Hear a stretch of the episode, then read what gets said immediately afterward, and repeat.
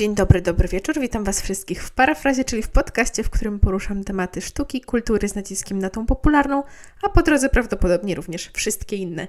Ja mam na imię Gabi, a to jest odcinek, w którym opowiem Wam o najbardziej ekscytujących dla mnie premierach roku 2022. Zapraszam! Teraz już trochę mniej oficjalnie. Cześć Wam. Wysłyszycie mnie po raz pierwszy, ale to nie jest pierwszy raz, kiedy do Was mówię, ponieważ nagrywałam już ten odcinek przynajmniej trzy razy i za każdym razem przy montażu zdawałam sobie sprawę z tego, że gadam jakieś kompletne głupoty. Jeżeli teraz mnie słyszycie, to znaczy, że poszło mi przynajmniej trochę lepiej. Zanim przejdziemy do głównego tematu odcinka, chciałabym Wam opowiedzieć trochę o tym, co się u mnie tak ogólnie artystycznie i popkulturalnie dzieje, czyli co czytam, co oglądam, czego słucham nie ma tego dużo, więc myślę, że uwiniemy się dość szybko, ale to będzie taki stały punkt programu w tym podcaście. Żeby nie przedłużać, myślę, że zaczniemy sobie od tego, że skończyłam dwa dni temu dwa seriale, z czego jestem bardzo dumna, ponieważ jeszcze tego o mnie nie wiecie, ale jestem naprawdę fatalna w oglądaniu rzeczy. To znaczy, uwielbiam zaczynać seriale i potem ich nigdy nie kończyć, bo albo coś innego wpadnie mi do głowy, albo po prostu o nich zapomnę i, i potem już nie pamiętam, co się kompletnie działo w poprzednich odcinkach, albo muszę zaczynać od nowa, albo po prostu się poddaję. Więc to, że skończyłam jakiekolwiek dwie produkcje, to jest naprawdę duży sukces. I pierwszą z tych rzeczy jest serial, japońska drama na Netflixie, Alice in Borderland i jest to, jest to serial, który mam wrażenie stał się popularny na fali takiego zafascynowania Squid Game, mimo że mm, różnic jest właściwie sporo. Podobieństwa są takie, że mm, jest mniej więcej takie samo założenie, to znaczy ludzie umierają w różnych grach, które nie wiadomo kto i po co organizuje, różnorodny sposób, ale mm, o ile Squid Game jest bardziej takie powolne i psychologiczne i bardziej się skupia na tym, co się dzieje w umysłach bohaterów, tak Alice in Borderland to jest troszeczkę jazda bez trzymanki. Jeżeli lubicie produkcje, w których jesteśmy wrzuceni w sam środek akcji razem z bohaterem i nasz poziom wiedzy nie wykracza poza to, co wie protagonista, to powinno się Wam spodobać, bo mm, bo wiemy dokładnie tyle samo co postacie, a, a one raczej nie wiedzą za wiele. Zaczęłam to oglądać przede wszystkim dlatego, że ja bardzo lubię ten motyw. To po pierwsze, a po drugie dlatego, że miałam nadzieję na jakieś fajne nawiązanie do Alicji w Krainie Czarów, po tym jak popatrzyłam na tytuł. I się nie zawiodłam. Nie zawiodłam się yy, i oczywiście tak samo jak za każdym razem kiedy oglądam coś, co jest retellingiem Alicji w Krainie Czarów albo jakkolwiek do niej nawiązuje, odpowiednik Kota z Cheshire stał się moim absolutnie najbardziej ukochanym bohaterem. Nie wiem dlaczego, mam chyba słabość do Kota z Cheshire i do postaci, które go przypominają. Serial bardzo na plus i to nie jest ostatni raz, kiedy o nim dzisiaj wspominam. Mam nadzieję, że, że nie zapomnę o tym, żeby kontynuować oglądanie, kiedy już pojawi się drugi sezon. Bardzo polecam. Jeżeli lubicie kino azjatyckie, jeżeli lubicie dużo akcji w, w serialach, no to, to będzie rzecz dla Was. A drugą rzeczą, którą udało mi się skończyć, to jest pierwszy sezon Attack on Titan, czyli anime, które zaczęłam oglądać z polecenia, prawdę mówiąc, absolutnie wszystkich, a szczególnie z polecenia mojej dobrej koleżanki z klasy. Ja jestem takim niedzielnym oglądaczem anime, to znaczy, że nie jestem weebem i nie jestem żadną ogromną fanką. Tak naprawdę mało jest takich tytułów, które faktycznie obejrzałam do końca, chociaż jest kilka, które zaczęłam. Ja Attack on Titan zaczęłam oglądać właśnie dlatego, że to się stało bardzo popularne i wszyscy mówili, że to jest bardzo dobra rzecz. I dlatego, że zauważyłam w editach i w różnych innych zwiastunach, jak pięknie zanimowany jest w tym tytule ruch. Ja jestem z Jira na piękną animację. Jeżeli w animacji bohaterowie poruszają się w widowiskowy, piękny sposób, jeżeli to jest narysowane i, i, poskładane ze sobą tak, że to wygląda niesamowicie, to ja to będę oglądać. Nawet jeżeli fabuła nie do końca jest w moim stylu. I dlatego zaczęłam, a potem kontynuowałam, ponieważ to ma naprawdę interesującą fabułę a przede wszystkim bardzo charyzmatyczne, interesujące postacie. Główna postać y, jest przynajmniej na razie dość specyficzna i, i, i prawdę mówiąc mnie nie porwała. Eren trochę mnie denerwuje, ale cała reszta na naprawdę duży plus. Jeżeli jesteście fanami anime, No dobra, jeżeli jesteście fanami anime, to już to prawdopodobnie obejrzeliście, nie oszukujmy się. Ale jeżeli jakimś cudem jednak nie, no to myślę, że warto się zapoznać. A jeżeli nie za bardzo lubicie anime, to myślę, że również możecie dać temu szansę, bo jest to taka rzecz, która potencjalnie może się spodobać nawet osobom, które nieszczególnie są fanami gatunku, tak? Więc to by było na tyle, jeżeli chodzi o rzeczy, które obejrzałam. Powiem Wam teraz też w co gram, bo mm, przechodzę sobie aktualnie dwie giereczki. Ogrywam Wiedźmina jedynkę, ponieważ chcę przejść wszystkie części gry i chcę zacząć jakby po kolei, żeby y, kiedy już zderzę się z tym, jak pięknie wygląda trójka, nie musieć wracać do tego, jak wygląda jedynka. Nie oczekiwałam oczywiście, że to będzie nie wiadomo jak piękne. Ta gra jest niewiele młodsza ode mnie. Wyszła w 2007 roku, ja się urodziłam w 2004, więc to, że grafika jest średnia i że postaci cierpią na całkowity brak mimiki i ekspresji, to wszyscy wiemy. Natomiast klimacik i, i fabuła jest naprawdę bardzo przyjemna. Mechanika walk jest odrobinę upośledzona, ale naprawdę dobrze się bawię. Jeżeli jeszcze nie mieliście okazji nigdy zagrać w tą część gry, a na przykład ogrywaliście trójkę, no to myślę, że, że fajnie na to spojrzeć. Natomiast druga taka gra, którą aktualnie przychodzę, to jest Mirror's Edge Catalyst. Ja wiem, że to jest prequel do gry, która wyszła troszeczkę wcześniej. I ja od tego prequelu zaczęłam i tak naprawdę nie wiem, czy to dobrze, na razie wydaje mi się, że nie stanowi to żadnego problemu. I e, no jeszcze się nie wypowiem o fabule ani o postaciach w tej grze, bo troszeczkę za płytko w nią zabrnęłam. Tak naprawdę dopiero zaczęłam. Ale umówmy się, ta gra stoi mechaniką. Ja do tej pory robiłam same misje poboczne, bo tak bardzo nie chciałam przerywać biegania po mieście. Tak samo jak w Spider-Manie na PlayStation ja mogę grać tylko po to, żeby się bujać po mieście, bo takie to jest fajne, tak? Mirror's Catalyst no stoi tym parkurem i tym, tym bieganiem po, po okolicy. Klimacik jest fajny, futurystyczny, zupełnie, zupełnie odwrotny od Wiedźmina, więc tak, żeby było interesująco, to gram sobie w te, gier, te, w te dwie gierki. Jeżeli chodzi natomiast o to, co czytam, to kończę sobie powoli Balladę Ptaków i Węży Susan Collins. I kiedy po raz pierwszy zobaczyłam tą książkę na półce w księgarni, to sobie pomyślałam, oho, pani Collins skończyły się pieniążki na remont mieszkania i trzeba coś było szybciutko napisać. Tylko, że tak naprawdę nawet jeżeli to jest skok na kasę, to mnie to nie obchodzi. To może być trochę kwestia tego, że ja miałam naprawdę zerowe oczekiwania wobec tej książki, ale ona jest naprawdę bardzo dobra w porównaniu z oryginalną trylogią jest tak bardzo lepsza. Ja, ja, lubię Igrzyska Śmierci. Jeżeli cokolwiek czytacie, to myślę, że już czytaliście Igrzyska Śmierci. A nawet jeżeli nie, to podejrzewam, że widzieliście filmy. I Katniss to nie jest moja ulubiona bohaterka na świecie. I, I prawdę mówiąc, jej romanse też nie bardzo mnie interesują. Ale to, jak bardzo lepiej są wykreowane postacie, to, to ja nawet nie. Żebyście mieli jasność, e, Akcja dzieje się podczas dziesiątych głodowych igrzysk, czyli wiele, wiele lat wcześniej. I głównym bohaterem jest prezydent Snow. Na tamten moment jeszcze nie prezydent, na tamten moment to jest po prostu 18-letni Coriolanus Snow, który należy do rodziny z dużym statusem, której się sypnął majątek i która udaje, że wcale tak nie jest i że dalej są bogaci. No a ponieważ to są dopiero dziesiąte głodowe igrzyska i nie ma jeszcze na tyle wielu zwycięzców, żeby każdy trybut, albo przynajmniej para trybutów miała przydzielonego takiego zwycięzcę y, jako swojego mentora, to akademia, do której ten nasz Coriolanus uczęszcza, robi z tego taki, nazwijmy to wprost, projekt na zaliczenie. Coś w rodzaju, im dalej zajdzie Twój trybut, tym lepszą dostaniesz ocenę i tym większą będziesz miał szansę na stypendium i studia. No a ponieważ y, Coriolanus ma te swoje finansowe problemy i pilnie potrzebuje pieniędzy i jakiejś szansy w życiu, no to, to on zrobi wszystko, żeby to wygrać. Taki jest początek tej fabuły. No i to jest naprawdę dobra książka. Yy, szykuje mi się, mam wrażenie, ulubieniec tegoroczny, który wskoczył tak naprawdę na sam koniec roku, ale jestem bardzo zadowolona, że to jednak przeczytałam i że dałam temu szansę, bo wcale nie byłam przekonana no super się bawię. I tak się wciągnęłam, że, że aż się sama zdziwiłam, bo kompletnie tego nie oczekiwałam po tym, po tym dziele. Fajna, fajna rzecz. Fajna rzecz, naprawdę warta, warta zapoznania, szczególnie jeżeli trochę już siedzicie w uniwersum i mniej więcej ogarniacie koncept.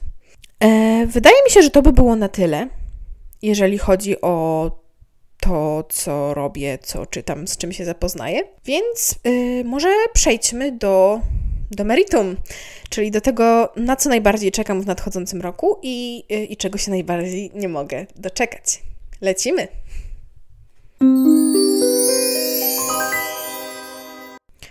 W porządku. Wydaje mi się, że muszę lepiej pamiętać o tym, żeby oddychać.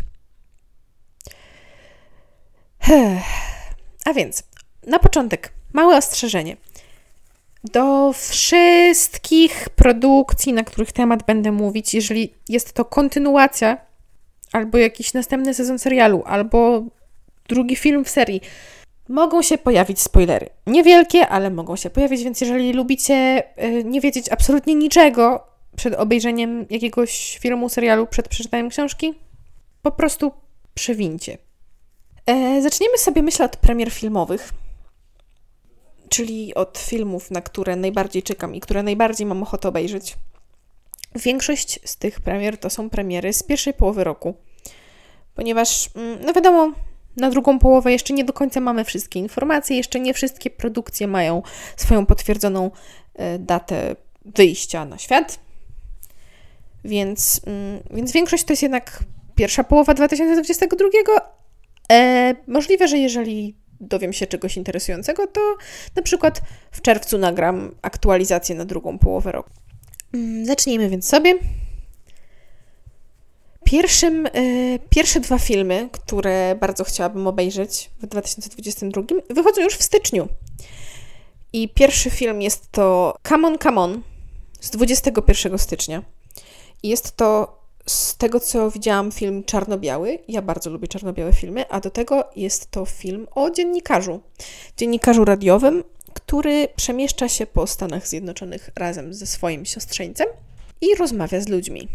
Wiem, że to brzmi jak bardzo prosty koncept, ale jednocześnie jest to taki koncept, który bardzo uderza we mnie i w moje zainteresowania, więc od razu zwróciłam na ten film uwagę. Na dodatek, on już dostał nominacje i różne ciekawe nagrody, więc ma szansę być naprawdę dobrym filmem.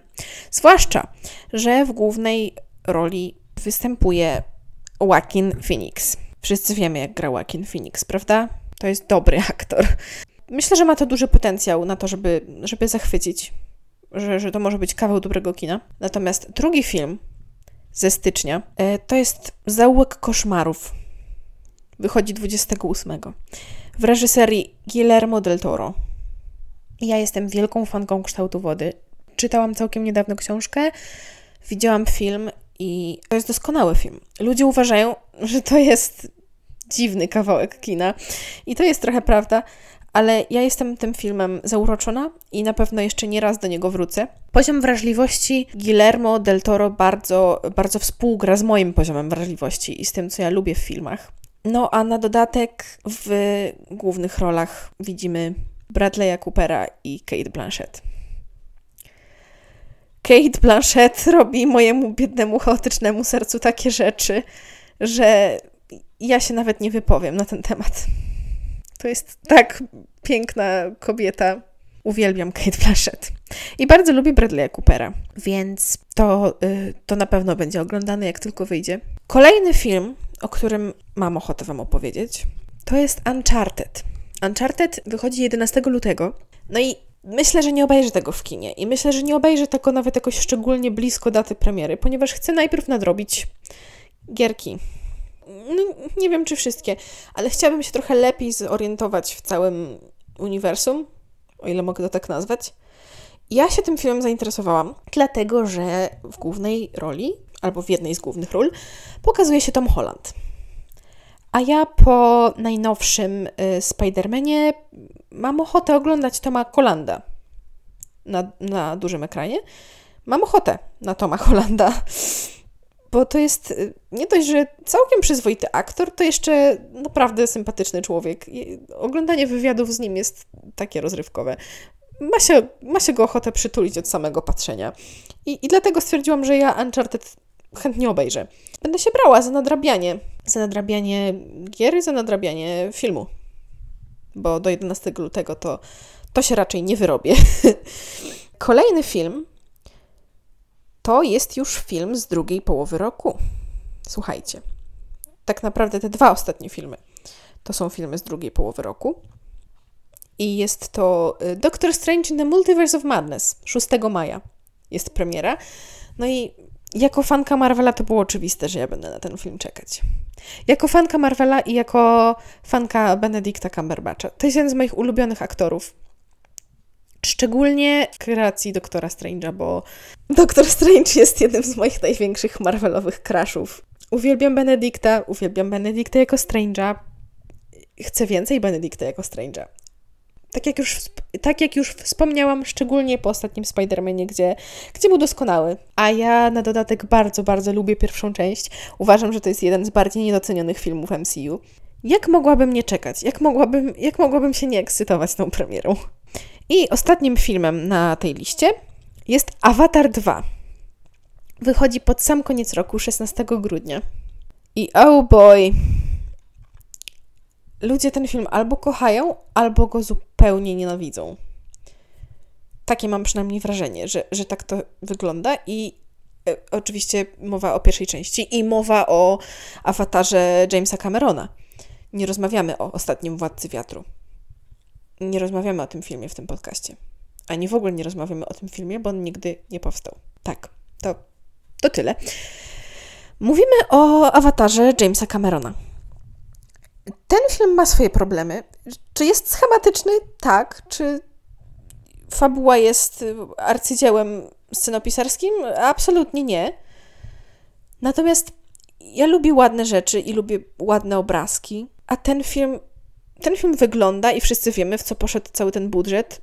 Ten budżet poszedł w to, żeby ten film ładnie wyglądał i on ładnie wygląda, a do tego ma naprawdę bardzo przyjemny soundtrack. Więc jak ja siedzę i ten film oglądam, to tam są ładne obrazki, ładne dźwięki i jest mi miło w oczka i miło w uszka.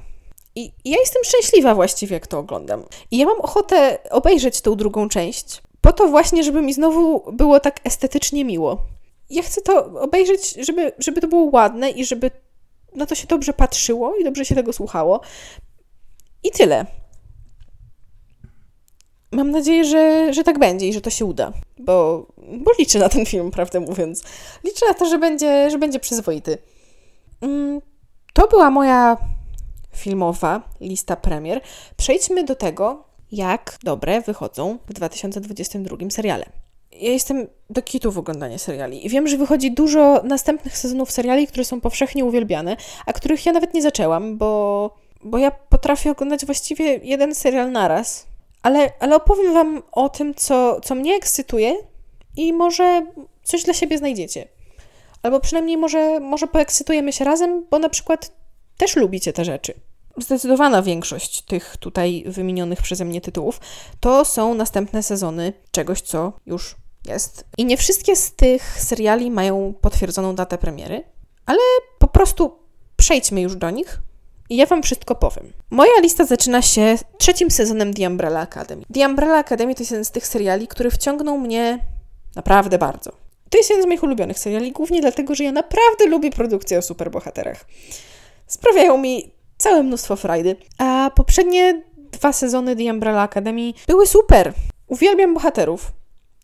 Może poza Luterem, który mnie denerwuje i może wracać na księżyc. Sam, sam koncept wszyscy, wszyscy rozumiemy o co chodzi w tym, tak? Jest sobie akademia, która kształci superbohaterów. To nie jest nic nowego. Całkiem lubię moce tej głównej szóstki. One są naprawdę ciekawe. Wiem, że to jest y, adaptacja komiksów, z którymi w sumie powinnam się zapoznać i bardzo chętnie się z nimi zapoznam, bo mają super interesującą kreskę i, i ciekawy klimat, więc myślę, że, że przyjrzę się im jakoś bliżej. Szczególnie jestem zachwycona postacią Klausa, Klaus jest chodzącą queer doskonałością i jestem zachwycona tym, jak Aiden Gallagher wykreował Number Five. To, jak tak, taka młoda osoba przedstawiła zgorzkniałego starego dziada. To jest niesamowite i genialne. Uwielbiam tego chłopaka. Jestem ciekawa, w jakim kierunku pójdą z postacią Wani, ponieważ Wanie gra Elliot Page, który pomiędzy tym drugim a trzecim sezonem zrobił coming out i rozpoczął tranzycję. I zastanawiam się, czy z Wanią też pójdą w tym kierunku, czy po prostu Elliot nie ma nic przeciwko i dalej będzie grał damską postać. Zobaczymy. To, y, to jest interesująca sprawa. Ale trzymam kciuki. Trzymam kciuki za to, żeby to było dobre. Y, I jak tylko wyjdzie, to mnie nie ma. Y, nie ma mnie przez parę dni dla nikogo na pewno. Bo, bo to jest jeden z nielicznych seriali, które faktycznie jestem w stanie usiąść i obejrzeć od początku do końca sezon i, i ani się nie znudzić, ani nie zmęczyć oglądaniem. Kolejna rzecz na mojej liście to jest druga połowa czwartego sezonu Attack on Titan. I, ja e, się cieszę bardzo, że to wychodzi i się tym ekscytuję, głównie dlatego, że ja, jeżeli już coś oglądam albo czytam, to lubię mieć początek i zakończenie. I ja, jeżeli mam całą serię od początku do końca, to istnieje dużo większa szansa, że ja się z to w ogóle zabiorę, niż jeżeli wiem, że muszę na coś czekać. Tak samo jest z serialem. Ja lubię usiąść i obejrzeć serial od początku do końca i mieć całą zamkniętą historię. Ponieważ wychodzi druga połówka czwartego sezonu i ja wiem, że to już będzie koniec tej historii, to e, zdecydowanie szybciej się na pewno zabiorę za oglądanie dalszych sezonów. I tak miałam to w planach, bo to anime bardzo mi się podoba, tak jak już Wam na początku mówiłam. Ale teraz, teraz mogę spokojnie oglądać i wiedzieć, że już na początku stycznia dostanę jakby zakończenie i że nie muszę się stresować tym, że będę musiała na coś czekać i że coś zapomnę. Więc y, pełen sukces. Bardzo się cieszę, że, że akurat tak mi się to zgrało w czasie, że to teraz wychodzi. No i jak już y, jesteśmy przy rzeczach, o których wspominałam, no to tak jak mówiłam, Alice in Borderland, sezon drugi, wychodzi dopiero w grudniu. To jest za rok i ja nad tym bardzo rozpaczam, bo ja zapomnę całkiem sporo rzeczy z pierwszego sezonu i pewnie będę musiała zrobić rewatch. Mm, nie powiem, żebym była jakaś załamana, bo ja lubię ten serial i, i chętnie ten rewatch zrobię, ale no boję się, że mimo wszystko jakoś ta ekscytacja moja opadnie i ja po prostu zapomnę o tym, żeby to obejrzeć. Naprawdę liczę, że nie, bo, bo ten serial zasługuje na to, żeby go kontynuować. Jest, jest dobry. To jest kawał dobrej japońskiej dramy, która też stoi aktorsko na bardzo wysokim poziomie, więc y, nie chciałabym o nim zapomnieć. Dlatego mi przykro, że wychodzi dopiero pod koniec roku, ale cieszę się, że y, został wznowiony, bo, bo pierwszy sezon skończył się w takim momencie, że gdyby przerwali produkcję, to, to naprawdę byłoby mi przykro. To tyle, jeżeli chodzi o Alice in Borderland i o rzeczy, o których już dzisiaj mówiliśmy. Dalej jest sezon trzeci Stranger Things. Sezon trzeci Stranger Things w końcu tak zaskakująco dużo pamiętam z tych poprzednich dwóch sezonów, że aż sama jestem sobą zdziwiona. Ten serial mnie złapał bardzo za serce i ja się przywiązałam do postaci. One są dla mnie jak moje dzieci. Myślę, że istnieje, istnieje naprawdę duża szansa, że, że to widzieliście, bo, bo to jest jednak bardzo popularny serial. Jeżeli nie, no to, no to macie co nadrabiać. Samo umiejscowienie akcji i ten, ten klimat z tym jakby alternatywnym światem, to jest to jest coś. To jest coś, już w pierwszym sezonie bardzo mnie to urzekło, a, a im dalej szliśmy, tym w sumie bardziej to było interesujące. No i y, aktorsko, aktorsko jest dobrze. Uważam, że obsada, y, obsada robi robotę. I ci młodzi aktorzy, no i, i to starsze pokolenie, jakby Winona Ryder. Wszyscy kochamy Winona Ryder, mam nadzieję, bo to jest dobra aktorka. Przynajmniej ja tak uważam. Czekam z niecierpliwością na lato i, i będę oglądać, jak tylko wyjdzie. Kolejna rzecz to jest, y, to jest potencjalnie coś, na co jestem najbardziej podekscytowana ze wszystkich tych tytułów. 2 września wychodzi serial Władca Pierścieni. Jak ja się dowiedziałam, że to powstaje, to przeczytałam wszystkie artykuły, jakie wyszły na ten temat. Ja jestem taką tolkieniarą, że sobie nawet tego nie wyobrażacie. A jak ja się dowiedziałam, że to jest w ogóle prequel, w sensie, że, że to się dzieje, że to się nie dzieje w tej erze, w której się dzieje yy, ta taka podstawowa trylogia, to już w ogóle pełne szczęścia, bo Śródziemie jest tak niesamowicie skonstruowanym światem, że uważałam, że to jest straszliwie szkoda, że, że kino nie czerpie z tak bogatej historii i z tak bogatej twórczości jak ta Tolkiena. Że zrobili Hobbita, zrobili Władcę Pierścieni i tak naprawdę no to jest maluteńki fragmencik historii Śródziemia. E, tam się dzieje tak bardzo więcej że, że zawsze uważałam to za trochę marnowanie potencjału, że się z tego nie korzysta. Więc super, że teraz się zaczęło korzystać. Nie patrzyłam na obsadę, jakoś zapomniałam spojrzeć na aktorów. e, będę musiała to nadrobić. Ale ja po raz pierwszy od bardzo wielu lat będę czekała na drugiego, na 2 września. Nieważne, że mi się dzień wcześniej zaczyna klasa maturalna. Nie, to, to nie jest początek roku szkol szkolnego. Nie zaczyna się wtedy szkoła. Zaczyna się wtedy Władca Pierścieni. I ja będę ten serial oglądać. I ma, to, to musi być dobre. Jeżeli to nie będzie dobre, to mi będzie bardzo przykro i to mi popsuje humor na naprawdę długi czas. Więc liczę. Liczę na to, że to jednak będzie, będzie dobre.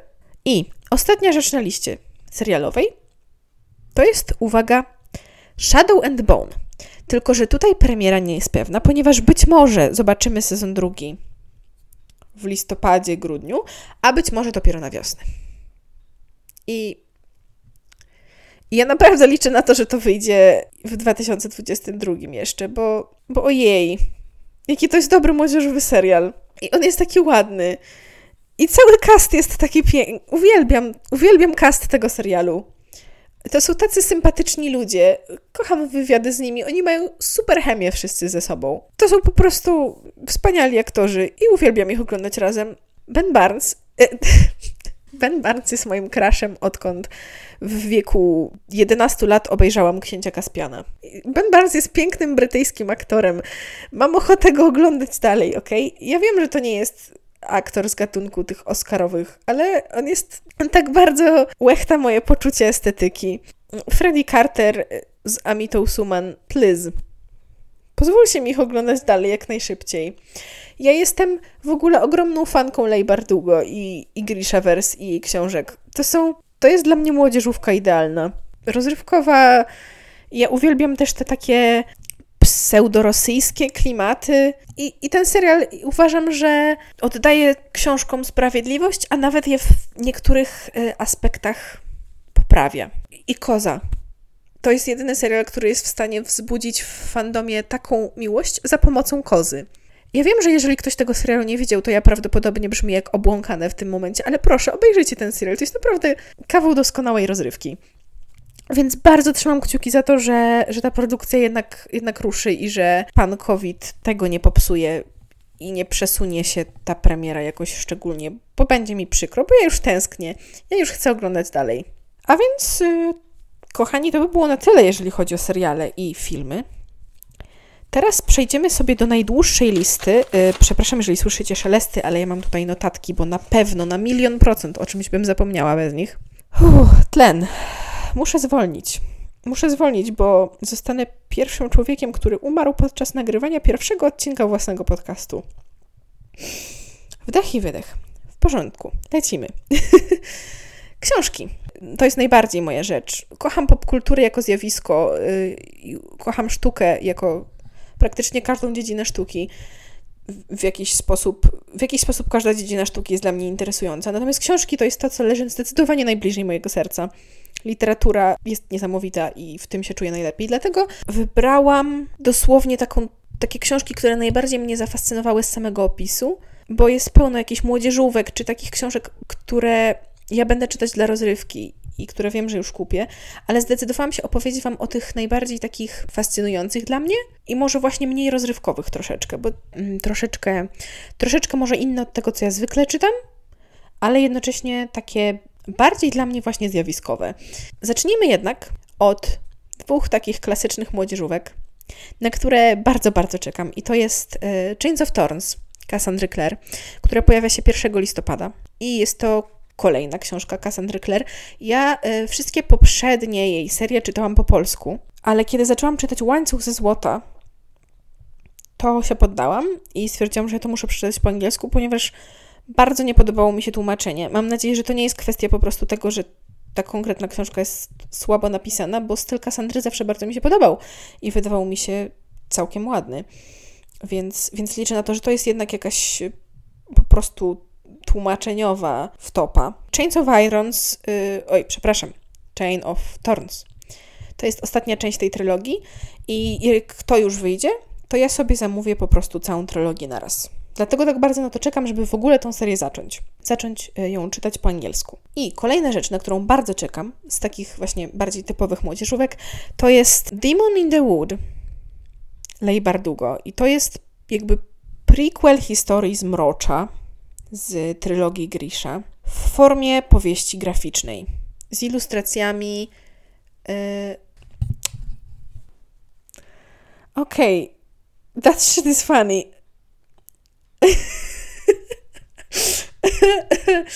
Okej, okay. czuję się załamana sobą, w tym momencie nie, nie jestem w stanie przeczytać swojego własnego pisma i nie jestem pewna, jak ma na imię osoba, która robi ilustrację do tej powieści graficznej. Na nazwisko ma Pendergast. Dajcie mi dosłownie sekundę. Ja to, ja to sprawdzę. Dani Pendergast. Tak. wow. No cóż. W każdym razie, jak ja zobaczyłam, że powstaje powieść graficzna w Grishaverse, to ja powiedziałam, shut up and take my money. To się pojawi 27 września i ja wtedy, ja to wtedy kupię. Prawdopodobnie po angielsku, bo nie będę czekała, aż ktoś to w Polsce przetłumaczy. Bo to jest powieść graficzna z Grishaverse. Ja to muszę mieć i to szybko. Następna rzecz jest to mm, może odrobinę mniej książka, a bardziej coś w rodzaju albumu autorstwa Nikiego Albrecht, y. Mam nadzieję, że przeczytałam to odpowiednio. Wychodzi 27 stycznia i jest to album y, pod tytułem Moda Vintage. I to jest książka, która przedstawia właśnie takie jakieś y, motywy w modzie, ale jednocześnie pokazuje, jak, y, jak historia świata i jak to, co się dzieje w społeczeństwie, jak różne takie zjawiska historyczno-społeczne wpływają na to, co ludzie mają na sobie. I ja chyba nie mogę powiedzieć, że się interesuję modą, ale zawsze wyda, jakby sam, sam koncept tego, że ludzie pokazują, kim są za pomocą tego, co na siebie nakładają i w ten sposób również wyrażają siebie, zawsze wydawało mi się to naprawdę fascynującym zjawiskiem. I do tego ta książka mam wrażenie, że może być po prostu przepiękna. Może być przepięknie zrobiona i przepięknie wydana, dlatego ja jestem nią ogromnie zainteresowana. I jeżeli ona faktycznie, y, jeżeli się natknę na nią w księgarni, wezmę ją do łapki i stwierdzę, że, że to jest faktycznie takie ładne, to, to na pewno ją kupię i przeczytam. Moda Vintage Nikiego Albrecht, Albrecht, Albrechtsena. Dziękuję. Kolejna rzecz to chyba również jest młodzieżówka, mm, a przynajmniej coś takiego young adult może bardziej. Jest to książka y, These Violent Delights. Ona wyskakiwała mi z lodówki przez bardzo długi okres czasu, y, szczególnie w social mediach, na jakimś Instagramie czy TikToku. Ta książka Y, była wszędzie. Jest to książka napisana przez Gong Chloe. Wiem, że jest to swego rodzaju retelling Romea i Julii oraz, że jest tam motyw wojny gangów oraz, że akcja dzieje się w, w Azji, chyba w Szanghaju, o ile dobrze pamiętam. Więc mamy jakieś tam motywy, powiedzmy, kultury azjatyckiej. Mamy pewnie jakiś zakazany romans, mamy gangi, ja się nie dziwię, że ta książka jest popularna. To brzmi naprawdę mało ambitnie, ale to brzmi jak fajna rzecz do czytania w wannie albo na wyjątkowo nudnych lekcjach. I ja to na pewno przeczytam. Ja mam ochotę na coś takiego często. To jeżeli się czyta dla rozrywki, a niekoniecznie zawsze dla samorozwoju, to takie rzeczy są naprawdę fajne. A może się okazać, że, że to jest dobrze napisane, na przykład. Może się tak okazać. Nie czytałam opinii o tym jeszcze, bo mowa o polskiej premierze, ponieważ ta książka już wyszła po angielsku. I e, ja się z nią chyba zapoznam po polsku. Zobaczymy, co z tego wyniknie i zobaczymy, jak mi się spodoba, ponieważ brzmi jak rozrywka. Brzmi jak fan, a ja lubię w książkach fan. Myślę, że, myślę, że już pora przestać udawać, że książki to. że książki zawsze muszą być ambitne i że zawsze musimy czytać coś, co nas czegoś nauczy albo w jakiś sposób zmieni nasze życie. Nie. Ludzie czasami lubią oglądać głupie seriale i nie są za to oceniani. Nie oceniajmy też tego, że ludzie czasami lubią czytać mało ambitne, rozrywkowe książki. I tyle. ja czekam na to. Ja, ja mam na to ochotę. Kolejna rzecz to jest rzeźnia numer 5. I nie, nie mówię tutaj oczywiście o, o tej klasycznej powieści, bo ona już wyszła dawno temu. Mówię tutaj o adaptacji w postaci powieści graficznej. I ja chciałabym najpierw nadrobić oryginał, a potem, a potem koniecznie sobie to kupić, bo widziałam kładkę tej książki i ja myślę, że kreska mi się bardzo spodoba. Y, do tego tematyka tej książki jest taka bardzo moja, bo ja lubię takie trochę dramatyczne książki. Ze scenariusz odpowiada Ryan North, a za ilustrację Albert Mortis. I, I czekam. I na pewno sobie to kupię. O, tutaj widzę, że nie zapisałam daty tej premiery. Hmm. To chyba też jest luty. No i ostatnią pozycją na liście książek, które, które mnie ekscytują i na które czekam, jest reportaż wydawnictwa Czarnego. Uwielbiam reportaże wydawnictwa Czarnego i czytałam już ich kilka. Ja ogólnie bardzo lubię dobrze napisane reportaże, tylko że one muszą być, y, mieć dla mnie odpowiednio duży ładunek emocji, ponieważ jeżeli to są takie suche fakty, to ja się nie, nie wczuwam za dobrze. A wydawnictwo czarne wydaje naprawdę solidny y, zawsze jest to solidny kawał reporterskiej roboty i mam nadzieję, że tym razem też tak będzie. Jest to reportaż e, pod tytułem Niegrzeczne. Historii dzieci z ADHD, autyzmem i zespołem Aspergera Jacka Hołba. Ja się z tym autorem jeszcze nie spotkałam, jeszcze nic, nic nie czytałam, ale ja się troszeczkę interesuję psychologią może nie jakoś bardzo, ale, ale e, jakieś tam wzorce zachowań mm, społecznych i nie tylko bardzo mnie interesują. I, i chciałabym coś takiego przeczytać, więc czekam. Czekam, bo, bo wydawnictwo Czarne niejako stało się dla mnie trochę takim y, synonimem jakości. Jakości w takim, w literaturze non-fiction, w literaturze dokumentalnej powiedzmy. No do tej pory szczególną perełką na mojej półce są reportaże Swietlany Aleksiejewicz, czyli e, reportaż o Czarnobylu i reportaż o. Nie pamiętam dokładnie tytułu tego reportażu o Czarnobylu, ale e, mam jeszcze Wojna nie ma w sobie nic z kobiety. To są jedne z bardziej znanych reportaży i oba są doskonałe. I mam nadzieję, że, że to również będzie, będzie coś dobrego. To by było na tyle. To są rzeczy, na które najbardziej czekam w nadchodzącym roku. Jest jeszcze jedna rzecz, na którą ogromnie czekam, i to jest gra. Nie chciałam z tego robić osobnej kategorii, bo tak naprawdę jest tylko jedna taka rzecz, y, przynajmniej taka, mm, która wyjdzie w 2022, bo, bo jeszcze Quantic Dreams robi grę ze Star Wars i wyszedł zwiastun jest doskonały i bardzo mnie ekscytuje ten zwiastun. Ale ta gra w 2022 na pewno nie wyjdzie, więc, więc nie mogłam jej tu umieścić.